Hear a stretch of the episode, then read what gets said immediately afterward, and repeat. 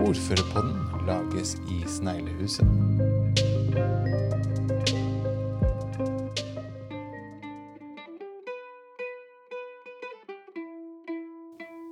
Da er vi så heldige at vi har fått uh, kommet til rådhuset i Skien. Og der møtte vi ordfører Hedda Foss Five. Tusen takk for at vi fikk komme. Så hyggelig at dere kom. Veldig hyggelig å bli tatt imot på den måten også. Vi sitter faktisk på ordførerens kontor, så dette er ikke småtteri. Men eh, Hedda, vi kjenner hverandre jo litt fra før. Men det er nok ikke alle som eh, kjenner til den store bomba som jeg opplevde å lese her, nemlig at du er ikke født i Skien, du. Hva er det som har skjedd? Du får spørre mora og faren min. Eh, nei, jeg er født eh, i Oslo. Eh, fordi mamma og pappa traff hverandre der. Ja. Faren min er nordlending. Eh, kommer fra Løddingen i Nordland. Og mamma kommer fra Venstøp i Skien. ja. Så, eh, så var begge to i en eh, sånn utdanning, eh, jobb-situasjon. Og traff hverandre hvor, vet jeg ikke. På pub eller noe, tenker jeg. Ja, Et eller annet sånt eh, hyggelig sted. Og så blei jeg født. Ja. eh, og, og bodde der. Ikke lenge. Nei. Men det er noen bilder og Ja. noen eh, ja, bilder. Jeg husker ingenting. Så så liten var jeg før vi flytta tilbake til Akkurat. Grenland. Akkurat. Og da flytta vi faktisk ikke til Skien da heller, flytta til Porsgrunn. Nei og nei! Enda, enda en bombe! Bombe nummer to! Ja, På Vallemyrene i Porsgrunn eh, bodde vi de første åra. akkurat. Og så ble det Skien. Og så ble det Skien. Ja. Og jeg vet jo og har oppfatta, og, og det er viktig og riktig, at Henrik Ibsen er jo viktig for Skien. Men hvorfor i all verden ble du da kalt for Hedda, for de som kjenner Ibsen? Jo, men Hedda er jo eh, et ok Ibsen-navn, det. Ja. Ja, mamma er da altså kommer fra Venstøp. Ja. Og der bodde Ibsen-familien i noen år. Og eh, ja, hun syns det hadde vært kult da om døtrene Jeg har en søster òg. Eh, ja, faktisk to eh, har det blitt. Eh, men eh, at den første hadde et eller annet Ibsen-aktig. Okay. Så, eh, så det blei eh, Hedda er altså fra et av Ibsens stykker som heter Hedda Gabler. Det kunne blitt Hedvig også. Eh, Det var for så vidt en hyggeligere ung jente, det. Hedda Gabler var ingen hyggelig dame. Nei, og det passa liksom ikke, det, syns jeg. Nei, det passa overhodet ikke. Eh, Men det var en viljesterk dame dame som, eh, som Ibsen eh, skrev litt om, da, og som eh, Det jeg husker best av det jeg har For moderen tok meg på eh, noe skuespill og sånn, at vi skulle se Hedda Gabler. Og da var det en dame som fløy rundt der med pistoler i eh, begge Ok. eh, henda, og, og skulle nok heller vært en eh, mann enn en dame. Og, og, og fant seg ikke til rette i kvinnerollen, rett og slett. Da. Så, så det er kanskje elementer der som eh, kan innimellom passe. Ja, Ja, det kan godt være. Men, kan være. men uansett, alle kjenner jo til Hedda og Ibsen, slik at koblinga er jo helt fantastisk. Koblinga er, eh, er eh, bra, og Ja. jeg pleier, hvis jeg skal være litt uh, tøff, Mm, så, særlig i valgkamp og sånn, så pleier jeg å si at det, ingen kan bli ordfører i Skien uten å være oppkalt etter noe Ibsen har liksom vært borti. Det er, uh, Ja, det, ja, mm, det er kanskje en litt rå hersketeknikk, men Grusom, eh, egentlig. Ja. Jeg bruker den, for okay. alt er godt for. Ok. Men du, eh, jeg har også hørt Du var på Kragerø Resort en gang. Så fortalte du at du ganske tidlig hadde begynt med noe engasjement. Altså samfunnsengasjementet ditt var visst veldig tidlig på. Det var noe innsamling til noe greier. Hva var det for noe? Altså, du var ikke store jenta før du liksom virkelig begynte å engasjere deg, egentlig? Nei, jeg var ikke mange åra. Jeg var fire-fem år. ja. Og, eh, og hadde lyst til å samle inn penger til de redde barna i Afrika. Oh, ja. Det var uh, første ordentlige samfunnsinnsats, da. Okay. Og jeg hadde nemlig sett på TV uh, at det var sult og nød, og, og mange så, Det var fluer, ikke sant? Det var de her bildene som, eh, som man har sett på TV noen ganger. Og, og da sa jeg til mamma at eh, jeg måtte hjelpe de. Ja. De, eh, de redde barna i Afrika. De så jo veldig redde ut med Ja, svære øyne. ja. og og, og mye nød. Så jeg gikk da fra dør til dør i nabolaget og samla inn eh, ting.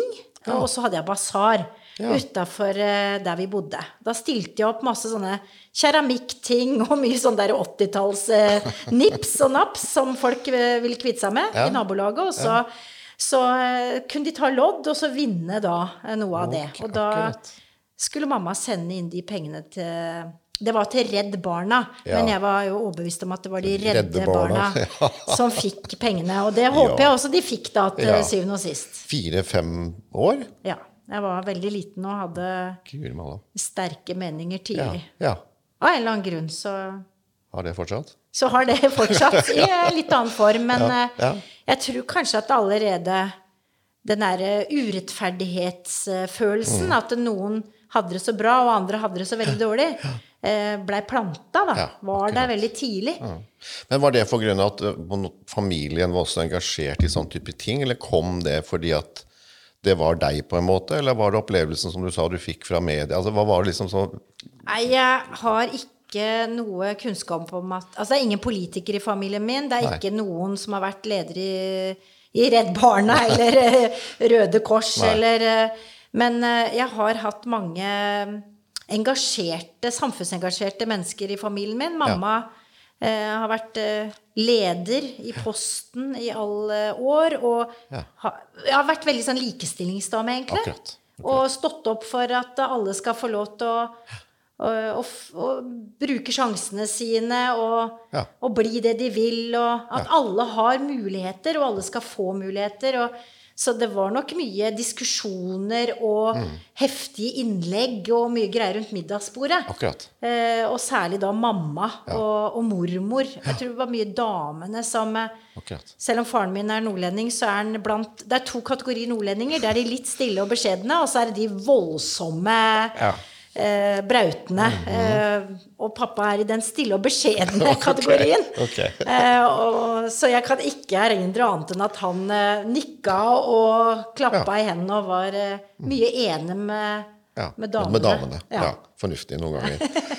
Men hva har du noen gang tenkt hva du skal bli når du blir stor? Hadde du en sånn drøm om Var det også innafor det samme, eller var det sånn som mange mannfolk tenker, er politi eller brannmann, liksom? Ja, litt eh, sånn. Men jeg, eh, jeg husker uh, yrkesvalga mine når vi begynte på ungdomsskolen. For da, vi, da skulle vi liksom peke oss ut noen yrker vi ville bli, da. Og da var det tre yrker. Det ene var barnevernspedagog. Jaha. Og der kom sikkert det her engasjementet for barn og forskjeller og at alle skal få like muligheter eh, fram. Men så var ønske nummer to det var å jobbe, gå inn i Forsvaret. Ja vel? Så det var jo egentlig noe helt annet. Hvorfor det, liksom? Hvor Nei, kom den fra? det? Og så var det tre lærer. Men jeg har, jeg har tenkt på at uh, kontrasten Nei, der må jo kanskje den litt uh, standhaftige, sterke, uh, bank i bordet Liksom det å få til ting Ja. og jobbe Jeg vet ikke Nei, annet bli- enn at det var det som sto da i de gamle papir, notatpapirene mine. Altså var- barnevernspedagog eller general? Det var, ja, ja. Mm, riktig. Og så tror jeg jeg hadde lest et sted også at eh, du fikk betalt under utdanning Ja, i eh, Forsvaret. Og mamma hun har alltid snakka om det, for hun gikk post, sko, Postenskolen. Og det var jo mange av de her statlige yrkene hvor du fikk Mhm. Betalt under utdanning. Så du har sikkert planta på et eller annet tidspunkt at det også er litt lurt, da. Så ikke du sitter med eh, store vansker seinere. Ja. Så det var eh, Men politikken, altså, jeg vet du har vært veldig lenge med og tidlig med i AUF. Hvordan kom den koblinga på politikken? Altså Samfunnsengasjement og at man har engasjert, er jo én ting, men når oppsto den? Nei, det var eh, en venninne av meg, som gikk i klassen min, som var med i AUF. Og, og hun eh, Jeg husker hun satt Vi hadde en samfunnstime, og jeg var alltid veldig heftig med alle diskusjoner og hadde mange meninger. Og, men trodde på et tidspunkt at jeg var eh, Frp-er. Du trodde det? Jeg trodde det, og det var fordi at mamma hadde noen år i Nå blir hun sikkert litt uh, sur for å bli utlevert, men hun var så sjarmert av Carl I. Hagen. Ja. Og det husker jeg også. Å, ja. At hun satt og kikka på TV, og å, hvilken flott og blid og flink og karismatisk mann. Ja. Eh, så det, dermed så trodde jeg at eh, jeg var på samme lag som han. Og satt da i samfunnstimene og Men jeg argumenterte ut ifra mine egne synspunkter. Mens jeg ble, hun spurte meg nemlig om jeg ville være med i AUF. Og så sa jeg nei, nei, nei. Jeg er ikke, nei AUF er ikke, nei, det må være feil. Jeg tror jeg er i Fremskrittspartiet. Og så sa hun da nei, Hedda.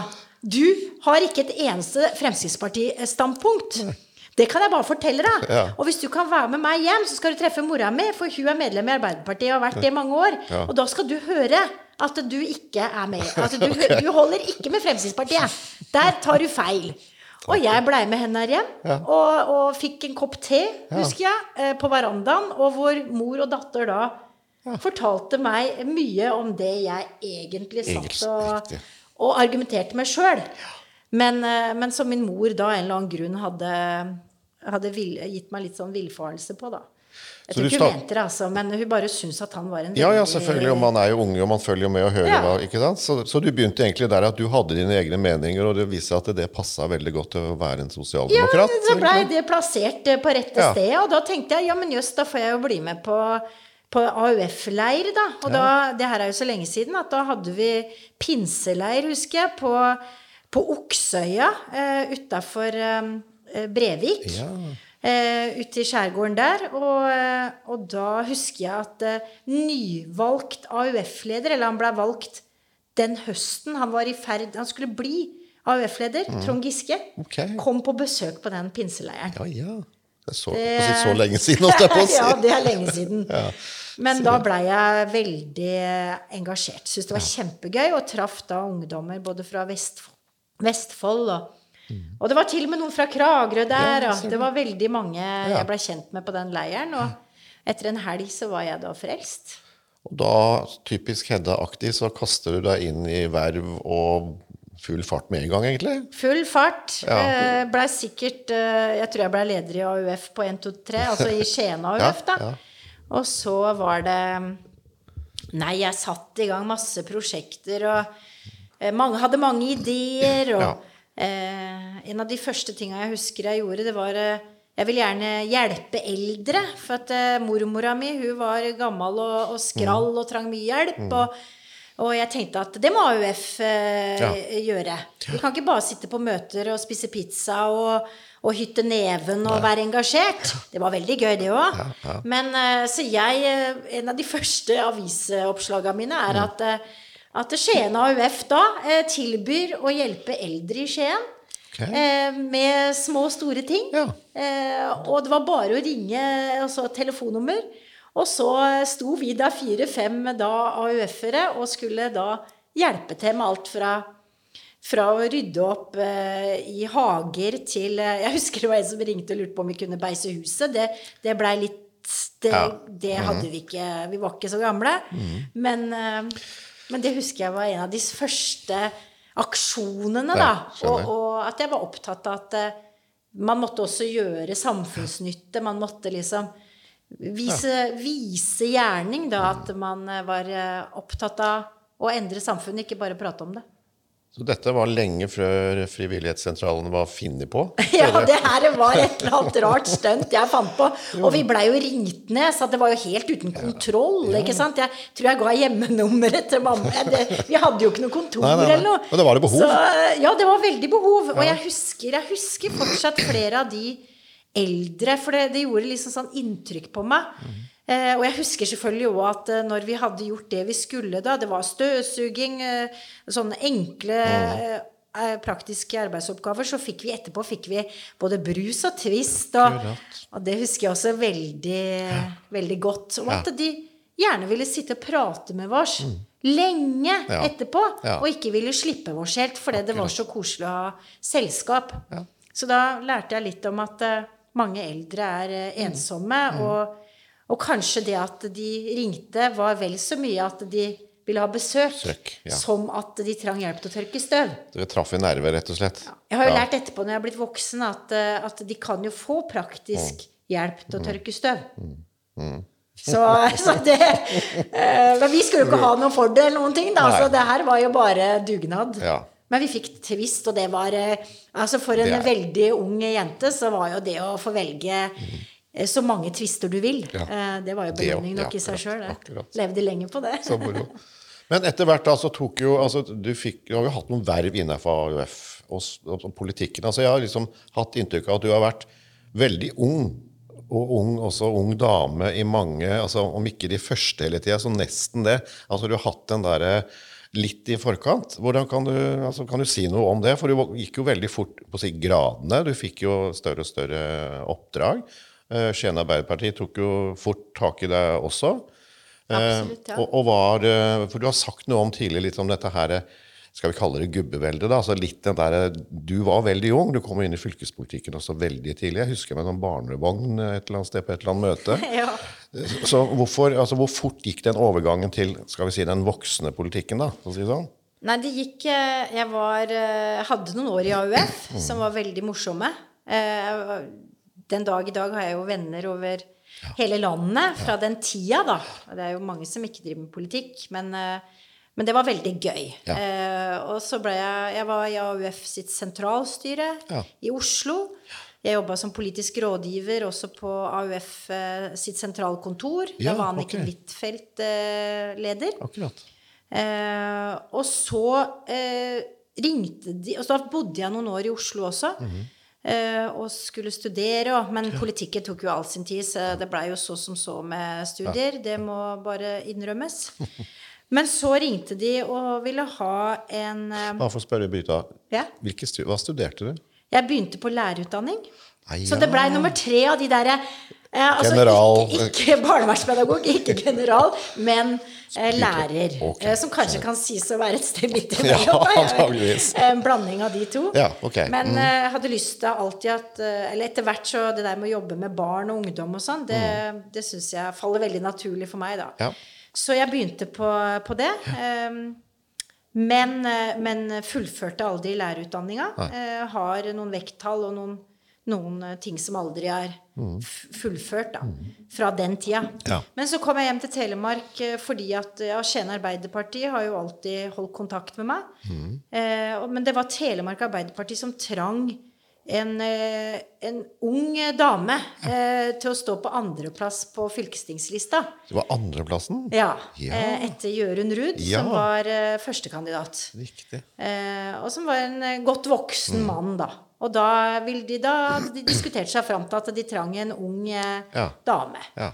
Så da lurte de på om jeg kunne tenkt meg å flytte hjem. Mhm. eh, og forhåpentligvis da få lov til å drive med fylkespolitikk Mhm. de neste fire åra. Og da, da sa jeg ha det til AUF og Oslo og, Ja. og det Jeg kan tenke meg at du sa Du, du ba jo ikke om betenkningstid? Nei. Nei. Jøss, tenkte jeg, det høres kult ut! Og så har jeg alltid tenkt at eh, altså, veien blir liksom litt sånn til ettersom en går. Altså, da er det en mening med det, tenker jeg. Da, den telefonen der, det var, eh, det var en mening med. Eh, og da må du bruke de sjansene du får. Og, og mamma har alltid sagt at du kan bli akkurat eh, det du vil her i livet. Og selv om ikke vi har en familie full av politikere eller Arbeiderparti-folk, da, så, eh, så tenkte jeg det fikser jeg. Det må jo gå bra med, med gode folk rundt meg, selvfølgelig. Ja. Så jeg, nei, jeg brukte ikke noe betenkningstid. Nei. Jeg tror akkurat det var blitt slutt med kjæresten også, så det var liksom, det good timing Jeg har flere grønner, da. Og hva skjedde så? Dere, altså Andreplass, da er det jo sikra plass uansett eh, valgresultat. Eh, hvor ble du kasta inn da? Og rett i fylkesutvalget? da? Rett i fylkesutvalget, og så, ble, så tapte vi dessverre det valget, da. Eller noen ganger så har jeg tenkt at det, det var Guds løkke at ikke vi vant det. For jeg var så ung. Jeg var 22 år. Ja. Og tenk, tenk om jeg hadde blitt fylkesvaraordfører! For det var jo sånn man ble lansert, da. Ikke sant? Ja. Og da hadde, jeg- hadde, jeg hadde til og med nasjonale avisoppslag. De kom fra Oslo, jeg husker ikke hvilke aviser, men sånn Kan bli landets yngste fylkesvaraordfører. Og så har jeg tenkt på etterpå at ja, jammen meg godt det ikke blei sånn, for det, det hadde jo blitt en brå overgang. Ja. Altså fra all idealismen og redde verden og fattigdomsproblematikk og Midtøsten og til fylkespolitikken, da. Det var jo en nokså brå overgang. Ja. Det må jeg si på alle måter. Altså både fordi at alle som var med, kunne vært enten foreldrene mine eller besteforeldrene mine, sånn miljømessig. Eh, Og pluss at sakene de diskuterte Det var jo Kjempeinteressant. Det var jo kjempe... Nei, det var, det var ikke det. Det var veldig tungt og vanskelig, og til dels kjedelig. Ja, ja. Så jeg sleit veldig eh, den første tida, men så var, var det kloke folk rundt meg i Arbeiderpartiet som ga meg De plasserte meg i det med videregående skole. Så jeg fikk lov til å jobbe med det som var nærmest, da.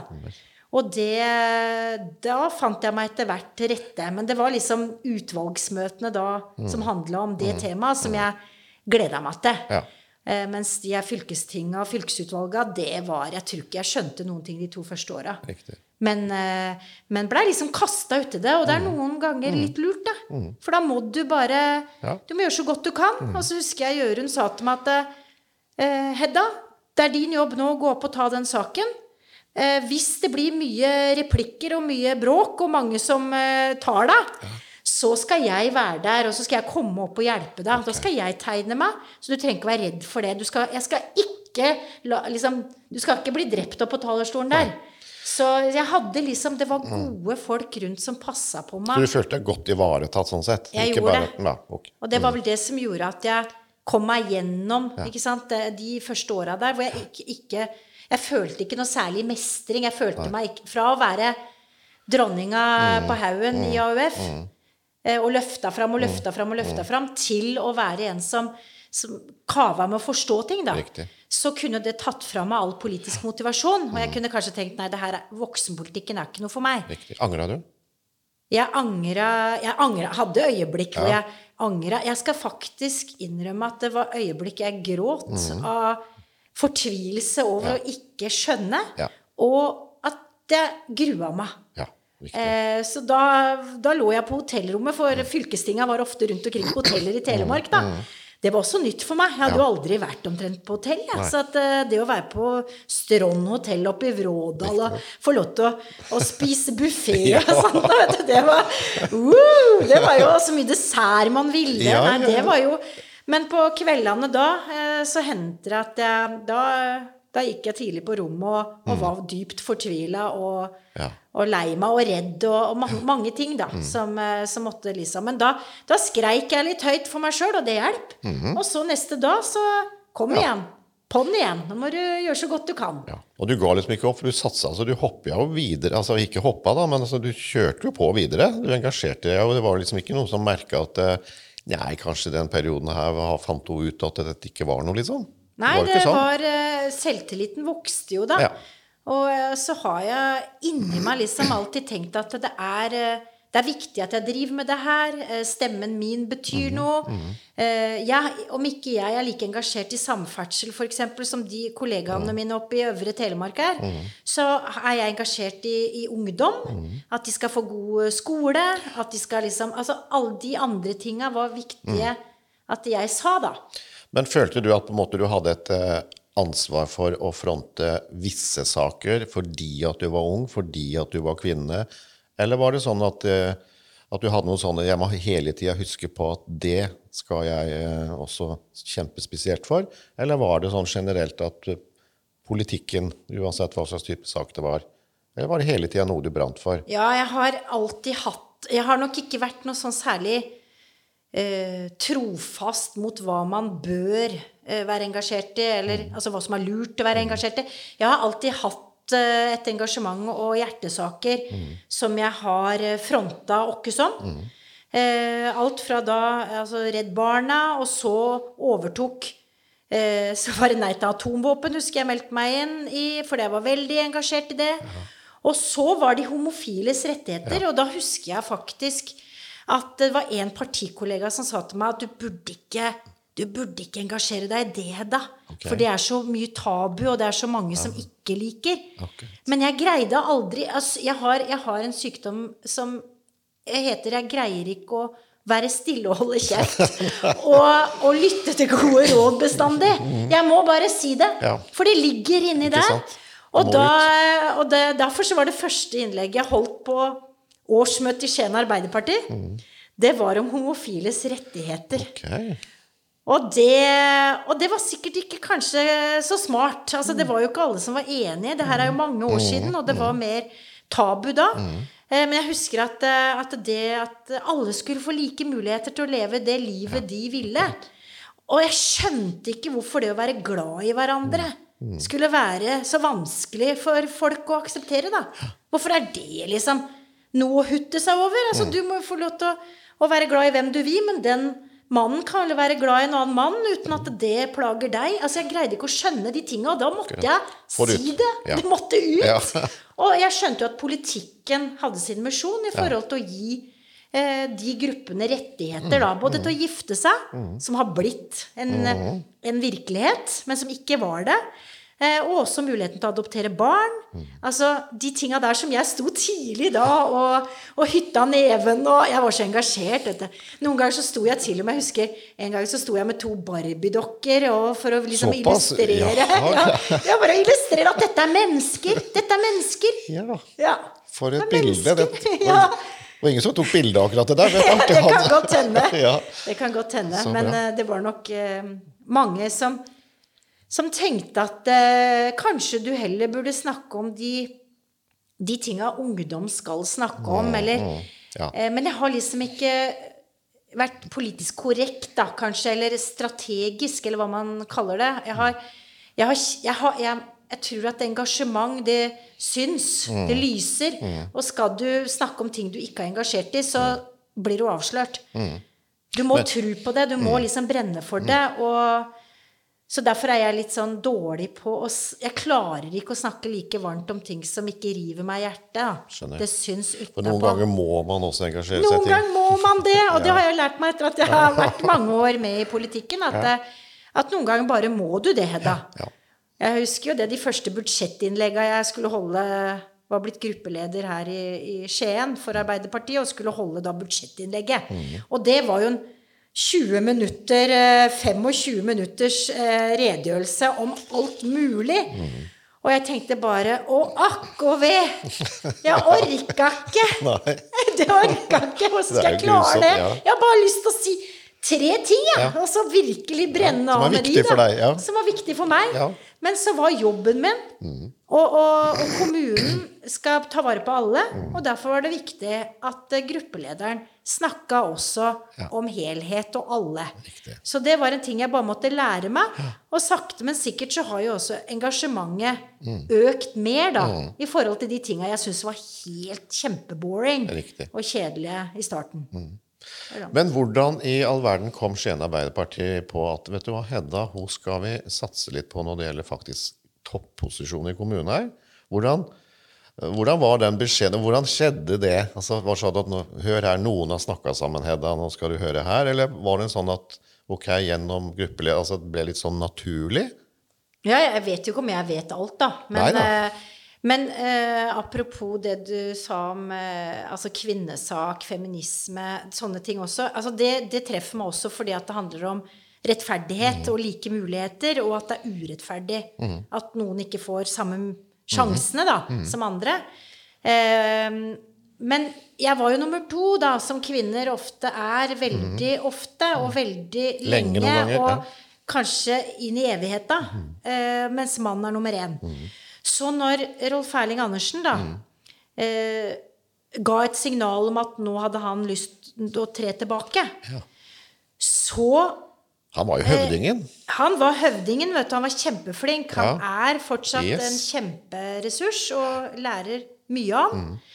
Men da tenkte jeg at eh, hvis noen spør meg nå, Ja. så skal jeg jammen meg si ja. Ok. For nå har jeg vært nummer to Mm. eh, i flere år. Både i fylket og i kommunen. Mm. Eh, og nå kan jeg bli nummer én. Eh, og så, lære, så går det sikkert bra. Altså, det er mye jeg må lære, og gapet til Rolf Erling var jo kjempestort. Men jeg tenkte, hvorfor ikke? Det kan jeg vel klare. Og så hørte jeg mora mi sin stemme igjen. Det er klart du kan klare det. Kom igjen. Det kan du vel klare. Hvorfor ikke deg? Hvorfor, hvorfor noen andre? Hvorfor ikke deg? Eh, og da tenkte jeg at eh, nei, da skal, jeg skal stille meg til disposisjon, som det så pent heter i politikken. Ja. Eh, og det var med skrekkblanda fryd. Det er jo kjempemye skumlere å være nummer én enn nummer to, for da står du bak en hele tida, vet du, som, som eh, hele tida må ta de ubehagelige tinga. Og, Yes. men, eh, men da, nei, tenkte jeg. Hvis de spør meg, så er jeg klar. Og de spurte. De spurte, men det var også mannlige motkandidater, og da kjente jeg at ja, det var det også, ja. ja. Ja. da, det var det. Altså ikke helt fram til mål, Nei, nei. men i eh, Prosessen. Mm. I prosessen.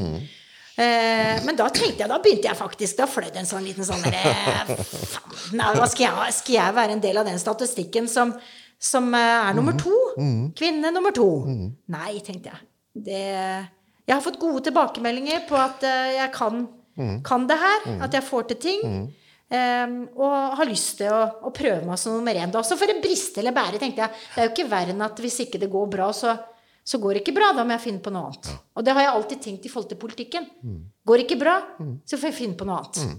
Da står det en lærerjobb der, eller Ja, ikke helt, da, for jeg har jo ikke fullført uh, utdannelsen uh, ennå. Men, uh, men jeg vet at jeg kan Ja. klare det, Ja. og har veldig mye å gi.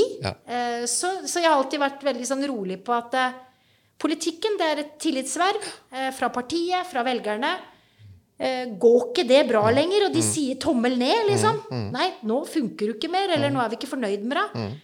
Da må jeg finne på noe annet. Så den syns jeg liksom er eh, Selv om jeg helt sikkert hadde blitt lei meg, altså. Men det er, det er sånn det fungerer, og, og jeg er veldig innforstått med det.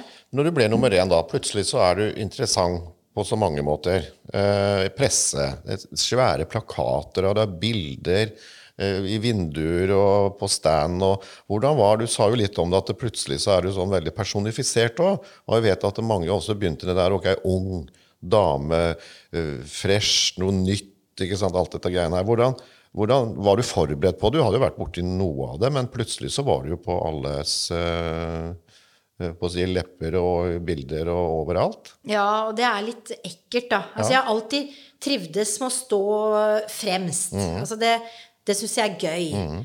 Selv om det er litt skummelt, så er det også gøy. Så at jeg var ikke redd for å stå på scenen og, og få lyskasterne på meg. Eh, Den biten der, den, eh, eh, den syns jeg er litt eh, Faller naturlig, da. Um, og det tror jeg det må, hvis du skal være, trives i en sånn rolle. Men, eh, men at de begynte Altså, du blei på en måte bretta ut på en annen måte enn før. Det syns jeg var litt ubehagelig. Altså sånn Er jeg ikke for ung? Og hun har ikke, noe, har ikke vært ute i arbeidslivet. Den kom veldig, da. Hun har ikke, og så tenkte jeg, men åssen i fankeren skulle jeg rekke det, ja? Jeg har jo, og da hadde jeg jo født tre unger, og jeg hadde prøvd å fullføre utdannelse ved siden av unger.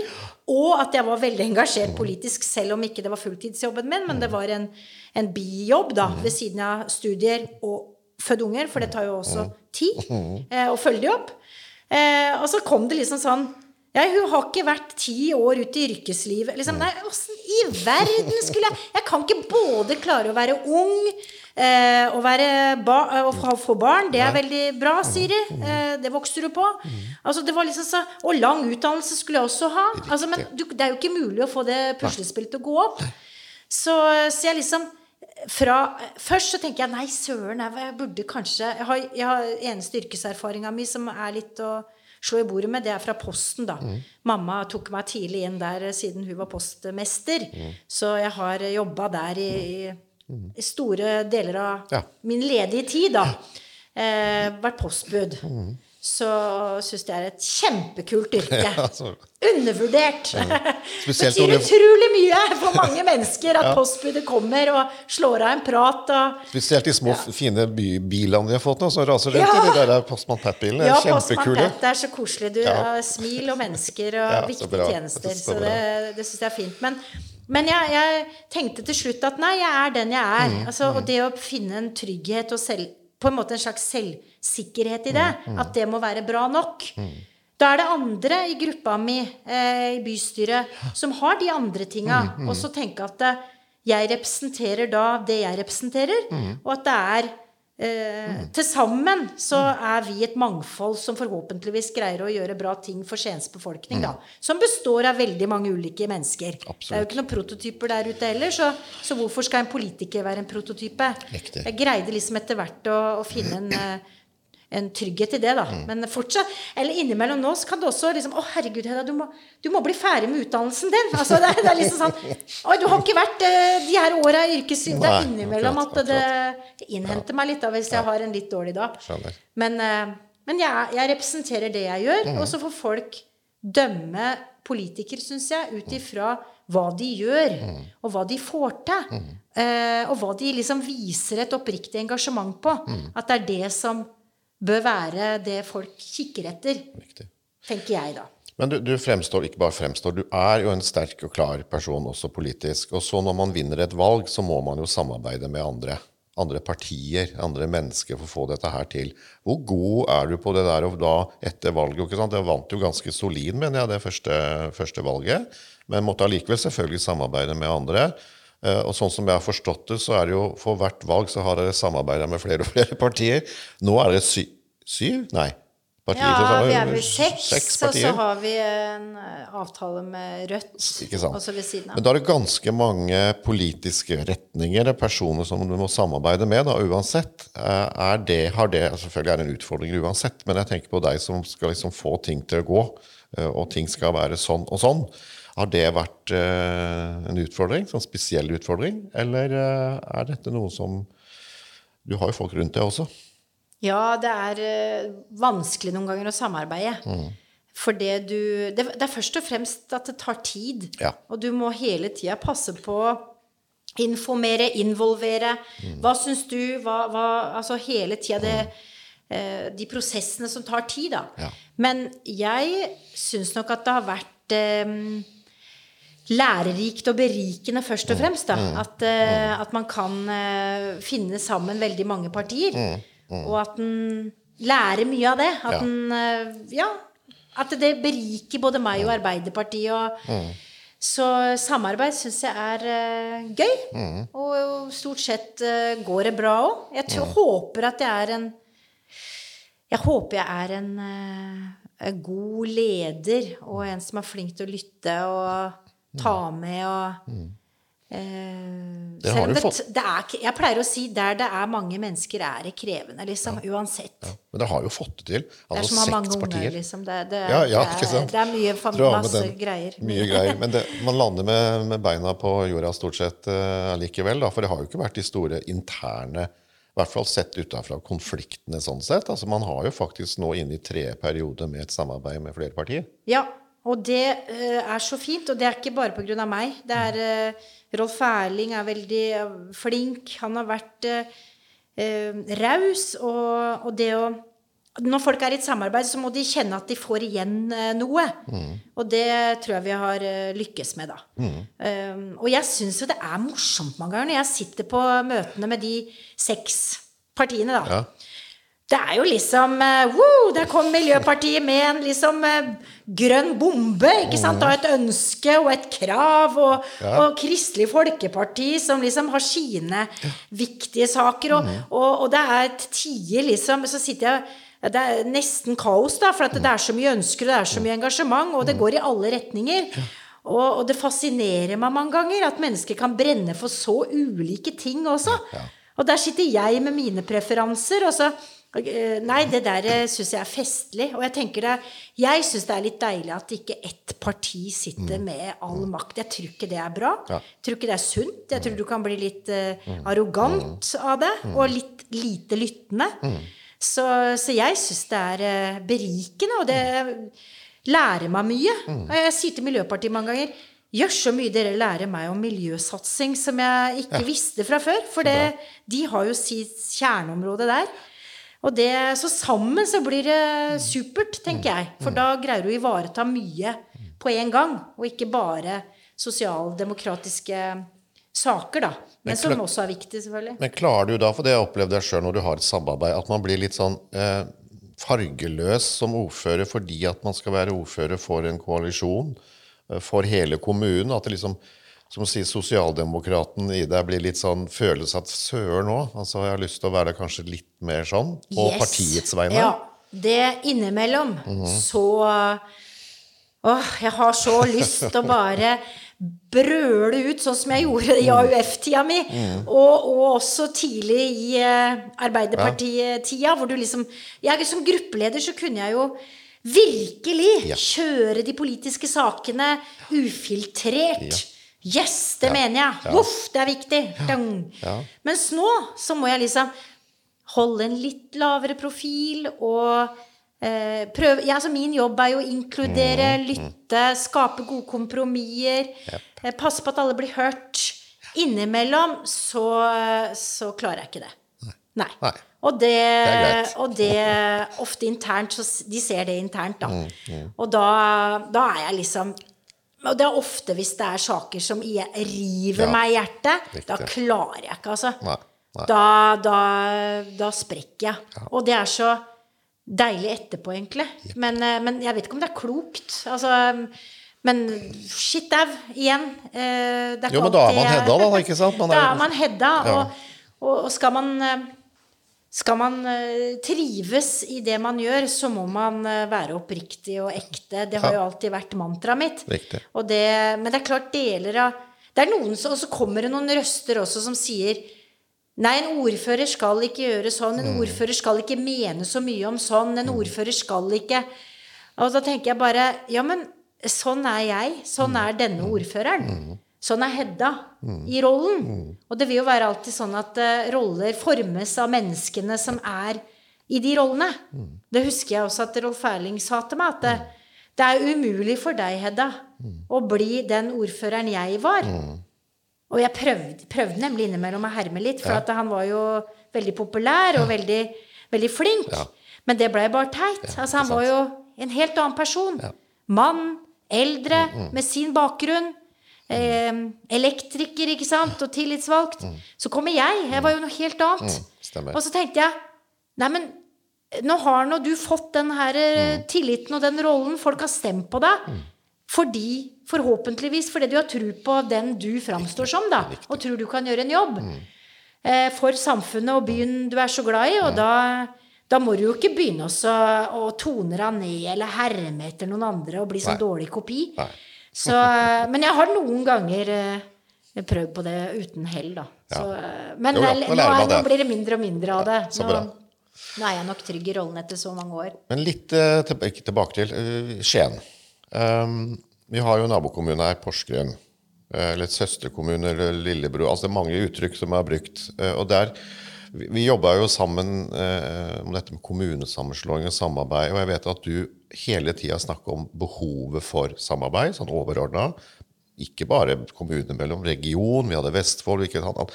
Den diskusjonen der så har jeg oppfatta det hele tida at det er viktig å stå sammen og samarbeide. Så har den der, unnskyld uttrykk, forbaska greia mellom Porsgrunn og Skien. Så jeg tenker, hva er det? Jeg har aldri skjønt det. Det er ikke bare er navnet på elva, liksom, for det er bare sånn morogreie. Men hva er den greia der? At man ikke helt får det der til? Eller er- kan du si noe om det uten at man uh, tråkker i salaten, holdt jeg på å si? Det skal man Jeg tror det er uh, litt sånn klassisk, da. Det er uh, storebror og lillebror. Og, og lillebror er ganske stor. eh, og klarer seg veldig fint sjøl. Og eh, har ikke lyst til å, og liksom samarbeide, eller, eller har lyst til å klare ting sjøl, da. Eh, og det ser man i andre byområder òg, som har litt samme makt eh, hva- Eller maktstørrelsesforskjellen, da. Eh, det er, hvis Skien hadde vært altså Kristiansand for eksempel, har jo slått seg sammen med noen mindre kommuner rundt. Men da er forskjellen kjempestor. Men, men her er den ikke det. Porsgrunn er eh, de er, nærme, de er jo mellom 35 000 og 40 000 et sted. Skien er 55 000. Det så jeg på plakat Ja, her. vi har, vi har runda 55 000. Eh, men så, så liksom Lillebror er, er er stor. Og da, da Så jeg tror det er følelsen av å ikke bli spist opp eller hersa med, eller Og det, det skjønner jeg. Mm. Nå er ikke jeg noe Jeg er storesøster, da. Eh, eh, så ja, men jeg ser liksom Det er ikke vanskelig å, å gå ut av skoa sine og så sette seg over i, i de skoa. Og da skjønner man litt mer av hva de tenker, hva de føler, hvordan de vil ha det. Og, og, og de klarer seg godt nok sjøl. Ferdig snakka. Og min, min motivasjon for å slå sammen er rett og slett for det jeg ser at eh, hver for vårs så blir vi litt for små i i Norge.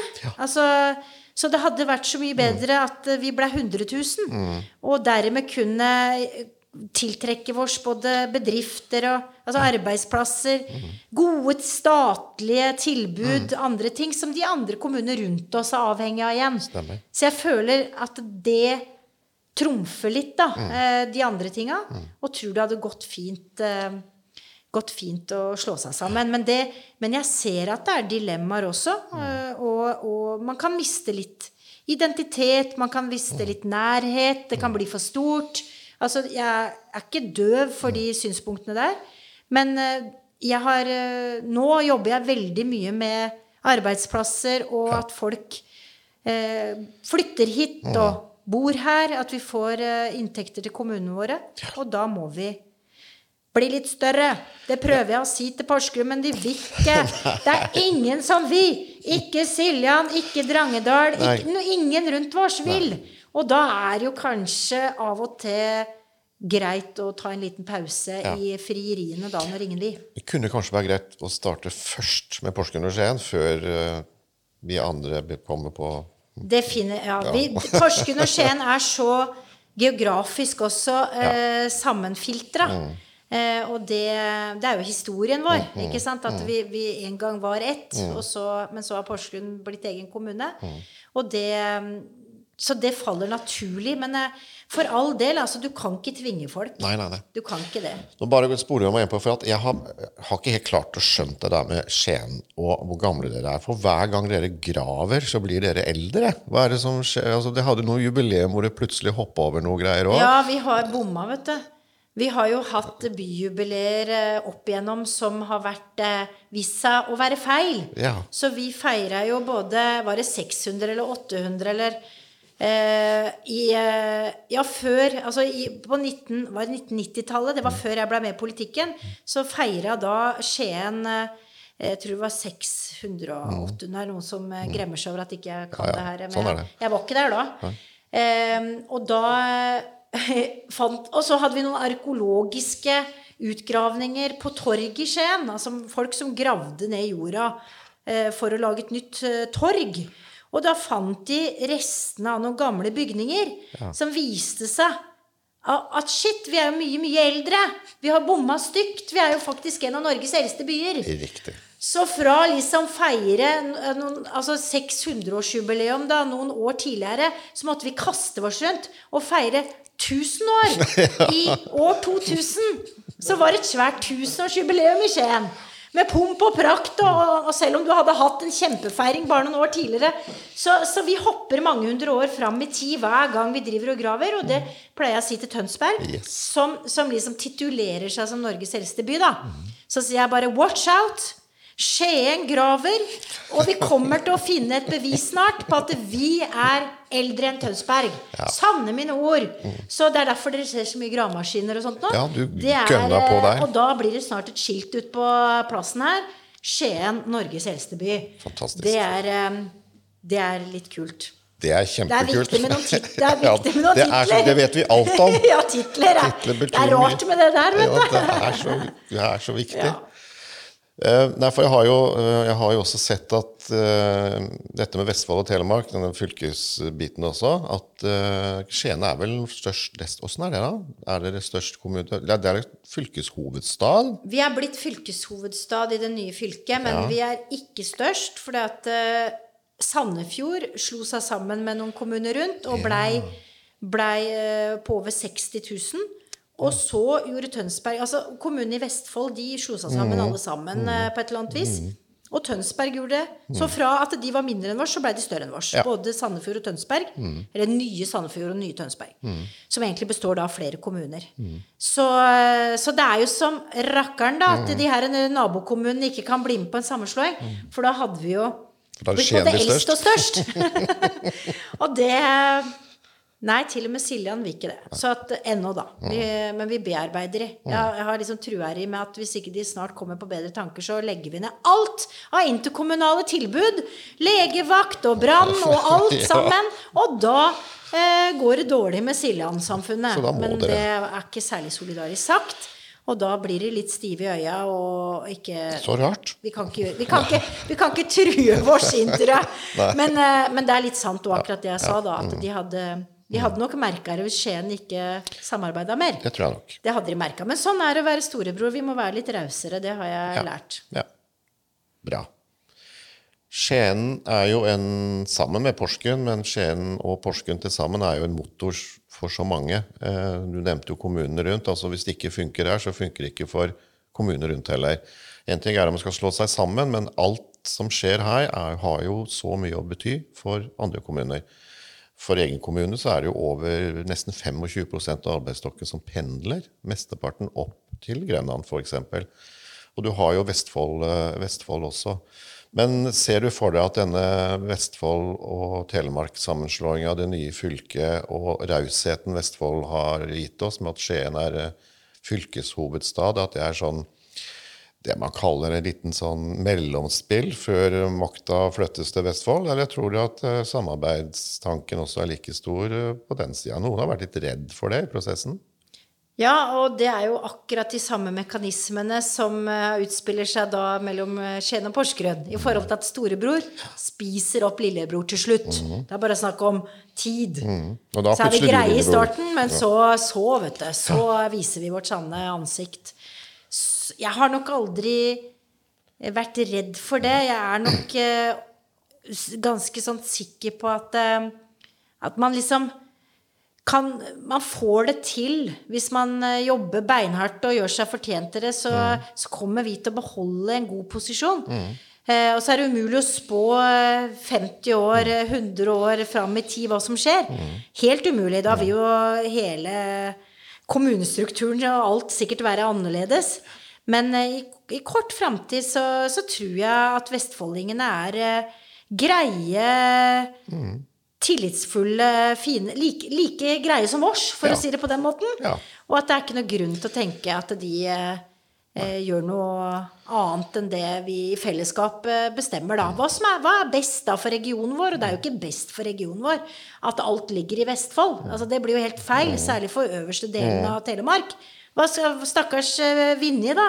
Altså, du må jo liksom jeg, jeg tror Skien og Grenland har en misjon i forhold til å være et bysamfunn for særlig øvre, øvre delen av fylket, som vi har vært i mange hundre år, og må fortsette å være. For det, du får ikke flytta liksom på folk, altså på de som bor oppe i Vinje. De bor oppe i Vinje. De skal også ha gode tilbud, og da kan ikke alt ligge i, i Tønsberg. Altså det, det blir gærent. Så jeg, jeg, jeg tror på sunn fornuft og Godt gode, gode prosesser. Så Men du tror ikke det at eh, ok, her er du storesøster. Eh, Kan det være at uh, lillesøstera møter storesøstera i døra i forhold til argumentasjon? Altså her har du den, mens i forhold til Vestfold så er du lillesøster. Eller ja, vi møter, vi møter oss sjøl i døra rett som det er. Kan vi ikke bare si det sånn, da? At de argumentene man bruker rett sted, de ja, funka ikke like godt et annet sted. Eller, Nei, da må vi finne på noen andre argumenter. Ja, Det er jo vel sånn sånn politikken er. ja. Så det, det kommer sikkert til å skje. For å sitere. Rolf Erling Andersen, politikkens vesen og uvesen, pleier han å si. Og det er jo riktig i mange hen- Det er mye sant uh, der. Ja. Men du, tilbake til Skien igjen. Eh, Jeg må jo si, For å ta det først, da. Jeg har jo av naturlige årsaker tilbrakt noe tid i i byen her. Også på susa rundt på fritida. Og de siste åra så må jeg jo innrømme at fy søren så mye som har skjedd. Du har eh, området sentrumsnært og selve sentrum som har blitt noe helt, helt annet enn det jeg opplevde når jeg kjørte i utrykningspolitiet og var innom Skien innimellom og syntes at det var ikke noe hyggelig by sånn utseendemessig. Så hva er det liksom, hva er det dere har funnet på? Du ser Klosterøya, du ser eh, ja, Rundt omkring så er det noe som skjer. Ja, og det, det som har vært, og det er ikke bare i Skien og, og, og Grenland, men tendensen har vært i de siste 50 åra at eh, folk har bosatt seg på utsida av byene. Liksom alle og alle de her gode bokvalitetene, de skulle være på utsida av byene. Byene skulle liksom bare være et sted å jobbe og, og være ute, og hygge seg. Så du ser alle barnehager, alle sykehjem, alt er på utsida, har vært på utsida av byene. Eh, og det har nesten ikke bodd folk i byen. Vi regna ut at det var 1500 mennesker som bodde i Skien sentrum. 1500 av 55 000 Oi, oi. bodde altså i det vi ganske stort definerer som Skien sentrum. Og det er klart, da blir det jo ikke noe liv og røre, og det blir ikke noe hyggelig da. Altså når ikke folk er For det er jo når mennesker bor og lever og er sammen, at det blir hyggelig. Det er jo sånn du skaper en god by. Og så har liksom tendensen vært da fra Jeg vet ikke når det skjedde, for det, hvis du går tilbake til Ibsens tid, så bodde jo alle i byer. Ja. Ibsen-familien bodde jo i en bygård her. Det var helt vanlig. Alt annet var landet. Men så, på et eller annet tiår, jeg, tenker, jeg vet ikke 40-, 50-, 60-tallet, så bygde du opp tilbuda på utsida av byene, og da døde Det mener jeg er litt av grunnen til at byene døde. Har du ikke folk? Bor du ikke der? Skal barnehagene bare være på utsida av byen? Skal sykehjemma bare være på sånne landlige steder? Ja, men da blir det jo ikke noe hyggelig i byen da. Så, så vi har snudd om på den. Og, og for det første må du ha boliger. Du må ha gode boliger, sånn at alle kan få lov til å bo i by som har lyst til å bo, by, bo i by. Noen kunne jo ikke tenkt seg det. De skal ha natur og fuglekvitter. Men andre vil ha urbane eh, ting. altså. Det skal være liv og røre. Det skal være, det skal være lyd. Det skal være, det skal være, liksom, det skal være disko. Det skal være litt bråk. Det skal være biler. altså. Mm. der er, så, så vi har bygd masse boliger ja. ved hjelp av mange private, men også kommunen som har hjulpet til med det. Og så har vi Nå eh, skal vi bygge et svært sykehjem midt i byen. Og det har vært protester, vet du. For oh, huff a meg, vi kan ikke ha et sykehjem midt i byen. Det er klart vi kan det. Det er jo mange mennesker som har lyst til å bli gammel midt i byen. Tenk hvis du er født og oppvokst midt i byen, og så skal du ikke få lov til å ha dine siste år midt i byen. Jeg mener jo det er en skandale at ikke vi har det. Det mener jeg. Så for de som har lyst på fuglekvitter og åser og fjell og stillhet, velge det. De aller fleste sykehjemma er jo på utsida av byen. I nesten alle norske kommuner. Så vi bygger sykehjem midt i Rett ved Landmasstorget. Rett ved Busstorget. Der kommer det til å være liv og røre. Fy søren, jeg lurer på sjøl om jeg skal ha en inn der. Altså. ja. Ja, for det 17. mai-toget nemlig går forbi der. Tenk på det, da. Kjempe, vet du. Og Matfestivalen. Det er midt i Hæ? Ja, det må jo være moro! Så, eh, og så vi, har vi bygd en svær barnehage også, midt i byen. Den åpna vi. Den har plasser til rundt 150 barn. Eh, også for de som ønsker å, å ha barna sine der og bo i by. Og skoler. Og? Og, ti, og så sammen da får du liv. Og, det, og da ser du barn, du ser eldre, du ser liksom mangfoldet av mennesker, og ikke bare de som skal ut på byen for å spise eller kose seg eller på teater eller For det, da, det er jo også bare noen få kveldstimer, så det er, så det er så rart tenkt. Vi må tørre å bo i bø, by, og ikke gjøre det til noe skummelt. For da blir det skummelt. Da blir det sånn som du beskriver med patruljebilen din. Da, da blir det også et sted for uro og, og kan opp, Der det er mørkt ikke sant, og stille, der vokser også litt dårlige miljøer og krefter.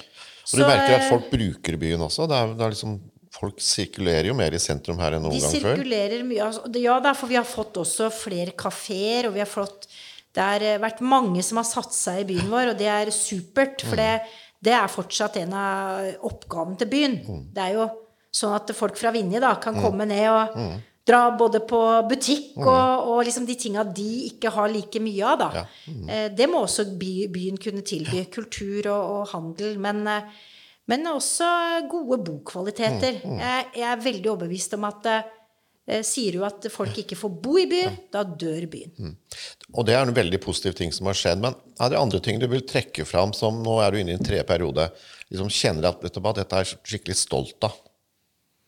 Ja, jeg er jo eh, stolt av mange ting som jeg har fått vært med på. Eh, og det begynner å bli mange ting. Ja. For det, og det er jo sånn at når jeg kjører liksom, Og det er ting hjertet mitt har brent veldig for i, i ulike faser. da. Eh, når jeg kjører opp til Gulset, så ser jeg det krisesenteret ligge der, eh, som jeg var med på. Og som jeg også vet at det betyr mye for veldig mange. Både barn og ja, både kvinner og menn. Det er også eh, mulig for menn å, å søke ro der hvis det skulle være behov. Um, og så er det skoler.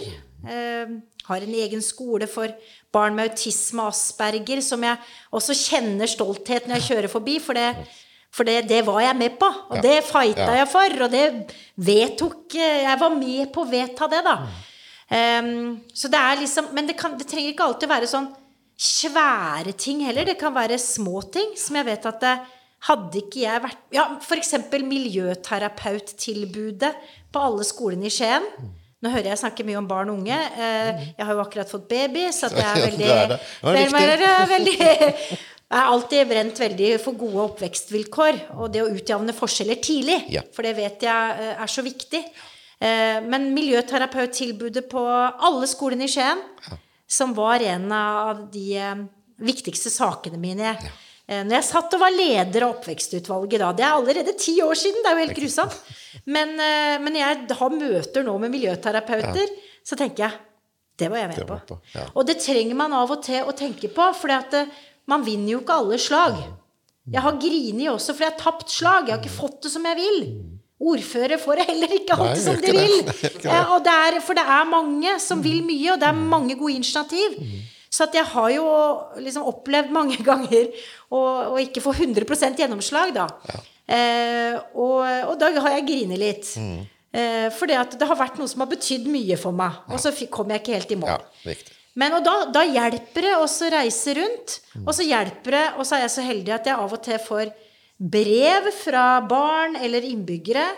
Det er, alt, det er igjen barn da som gjør inntrykk når de skriver Ja. 'Tusen takk, Ja. ordfører, for at du var med og rydda den fine eh, turstien som jeg og søstera mi bruker hver dag'. Sånn at liksom, og da, da blir du sånn Det, det kosta jo veldig lite, ikke sant? men det betydde veldig mye for dem. Og det er de derre eh, synlige bevisa på at eh, du har jo, gjort noe som påvirker folks liv og hverdag, da. Ja. Det, det gjør meg stolt og glad. Eh, og det, det ja, gir meg motivasjon til å stå på videre. For jeg ser jo rundt meg at det er mange ting fortsatt som vi må gjøre noe med. Og da, da gjør sånne ting at jeg, jeg blir glad, da. Og det, det inspirerer. Jeg er nødt til det. Jeg, før, faktisk, når jeg var fylkespolitiker og var eh, litt bakpå, eh, for jeg var så ung, og, og allting var vanskelig, så laga jeg en liste, jeg, hvor jeg skrev Sist fylkesting så klarte jeg å få gjennomslag for følgende. Jeg hadde sånn liste Å, på pulten min okay. som jeg liksom tok fram. Og bare Når, når ting var sånn Å ja, nei, jeg tar fram lista, jeg tar fram lista di, Hedda. Ja, I forrige fylkesting så fikk jeg gjennomslag for den og den tingen. Eller ja, det blei en utredning på det, eller en prosess på det. Noen Ja. tok jo, tar jo himla lang tid, da. Men jeg måtte lage en liste, så, så viktig var det. Minne seg på at man faktisk har betydd en forskjell. Ja. Ja. For jeg blei jo stemt ned på masse ja. vet du, den perioden der. Vet du. Jeg hadde jo så veldig radikale Jeg skulle redde verden. Bang! Jo, jo. Det var jo lett i AUF. Mye vanskeligere i voksenpolitikken. Absolutt. Så jeg, den lista mi, den, den har jeg faktisk gitt tips til AUF-ere når de begynner i Arbeiderpartiet. Og, og lag liste over de tinga du får til, Lurt. og hvor de voksne klapper igjen og sier 'Det var en god idé! Det skal vi utrede videre'. Skriv det opp. Den lista vil du trenge til dårlige dager. Så bra. Så eh, jeg har slutta å lage liste, men jeg, men jeg reiser rundt og, og ser ting da som, jeg, som, ins- som motiverer og minner meg på at det, det er viktig med politikere, og det er viktig Kanskje jeg også har vært viktig for mange eh, med jevne mellomrom, da.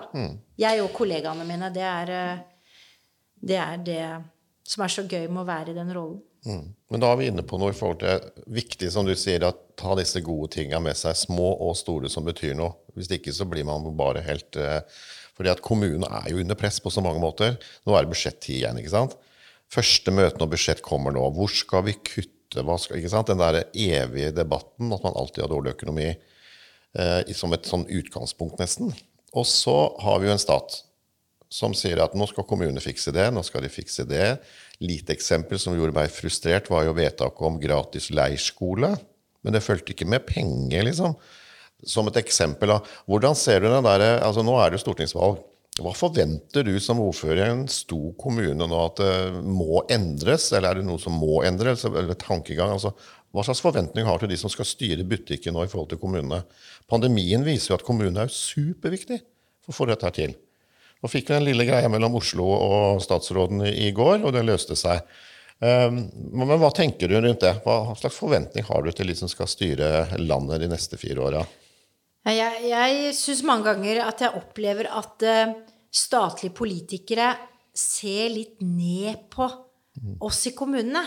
At vi liksom ikke skjønner alt, at ikke vi forstår vårt eget beste, nærmest. Eller, og så gjør de mange vedtak og, og trer ting nedover huet på oss fordi de vet best. Altså den derre litt sånn ovenfra og ned-holdninga, den syns jeg er rar.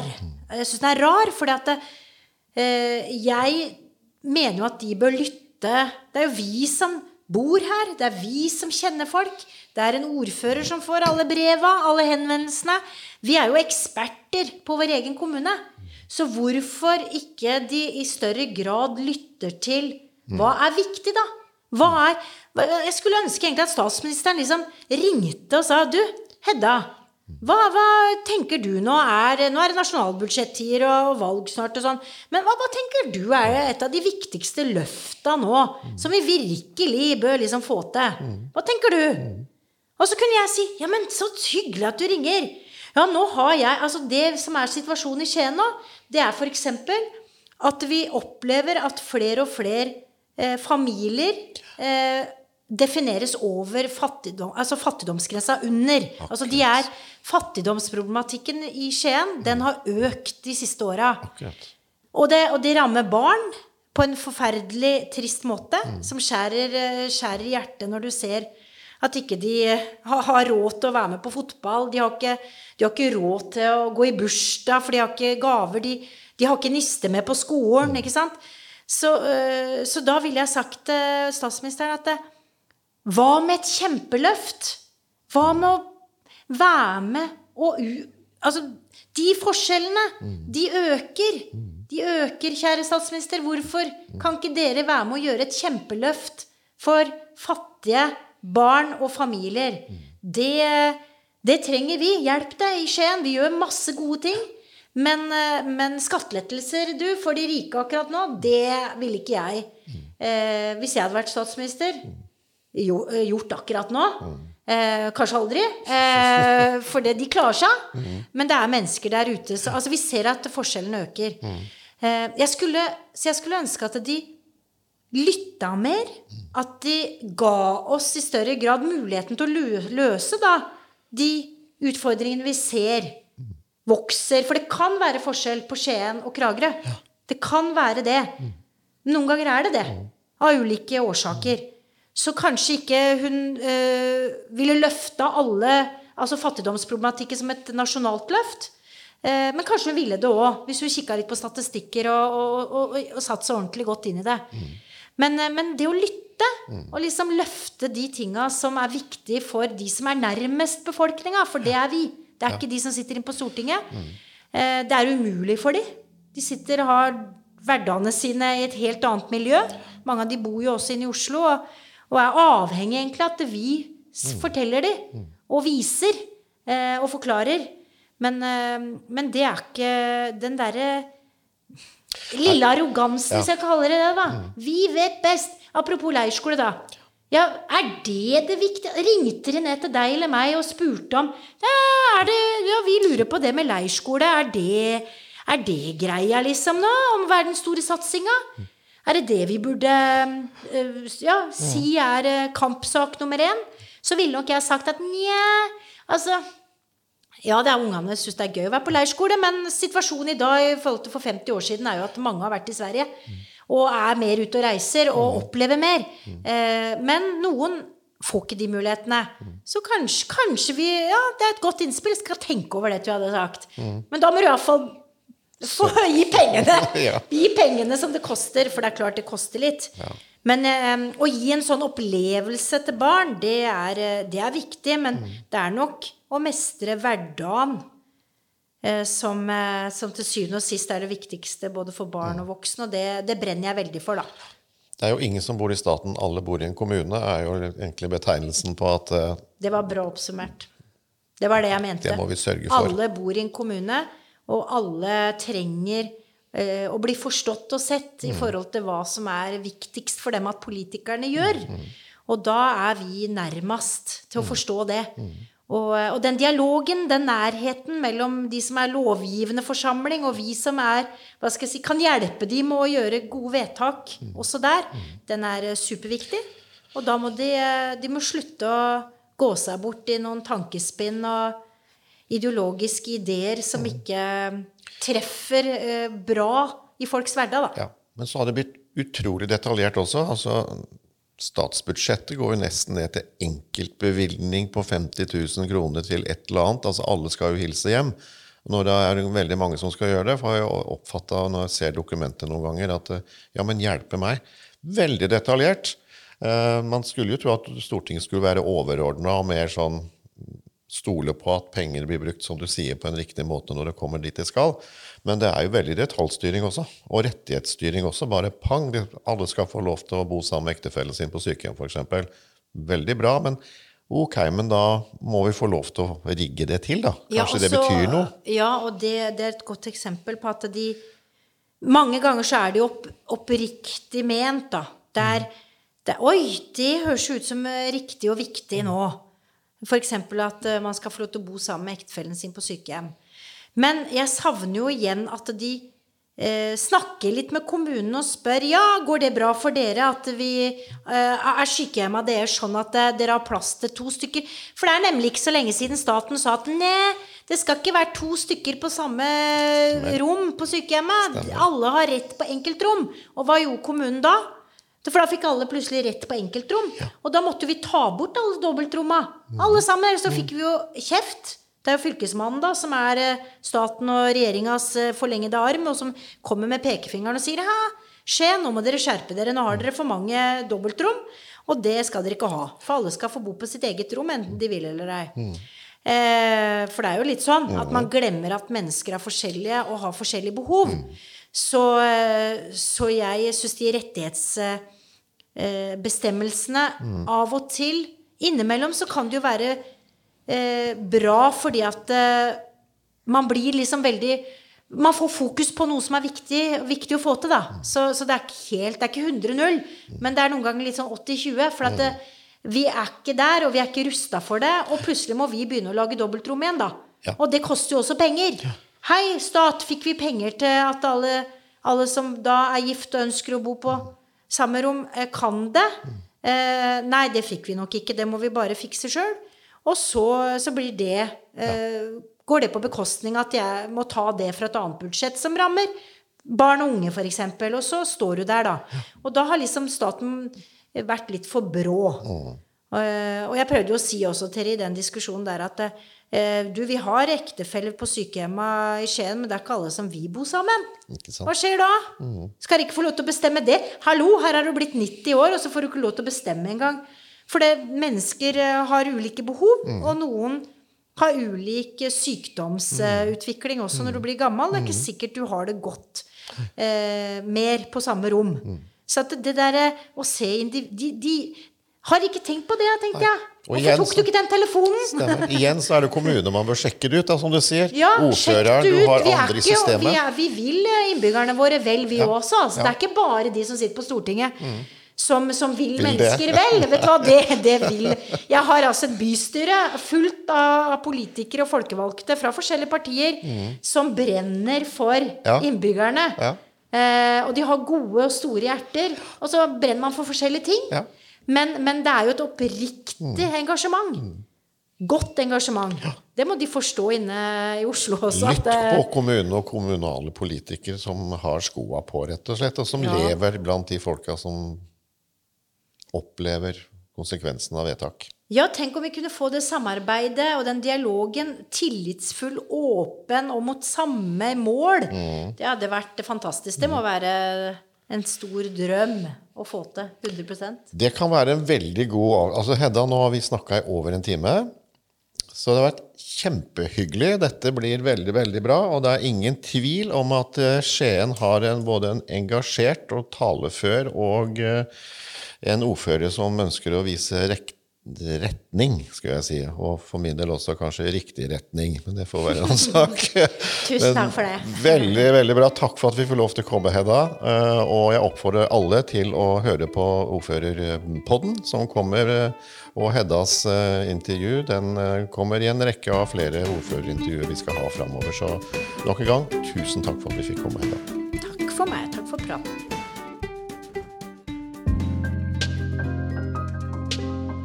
Ordførerpodden lages i Sneglehuset.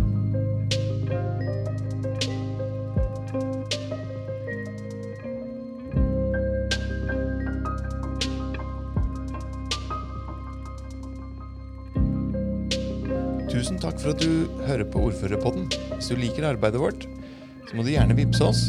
Da kan du sende en sum penger til vips nummer 600 659 og skrive Ordførerpodden i meldingsfeltet. Det var vips nummer 600 659 og skriv Ordførerpodden i meldingsfeltet. Tusen takk.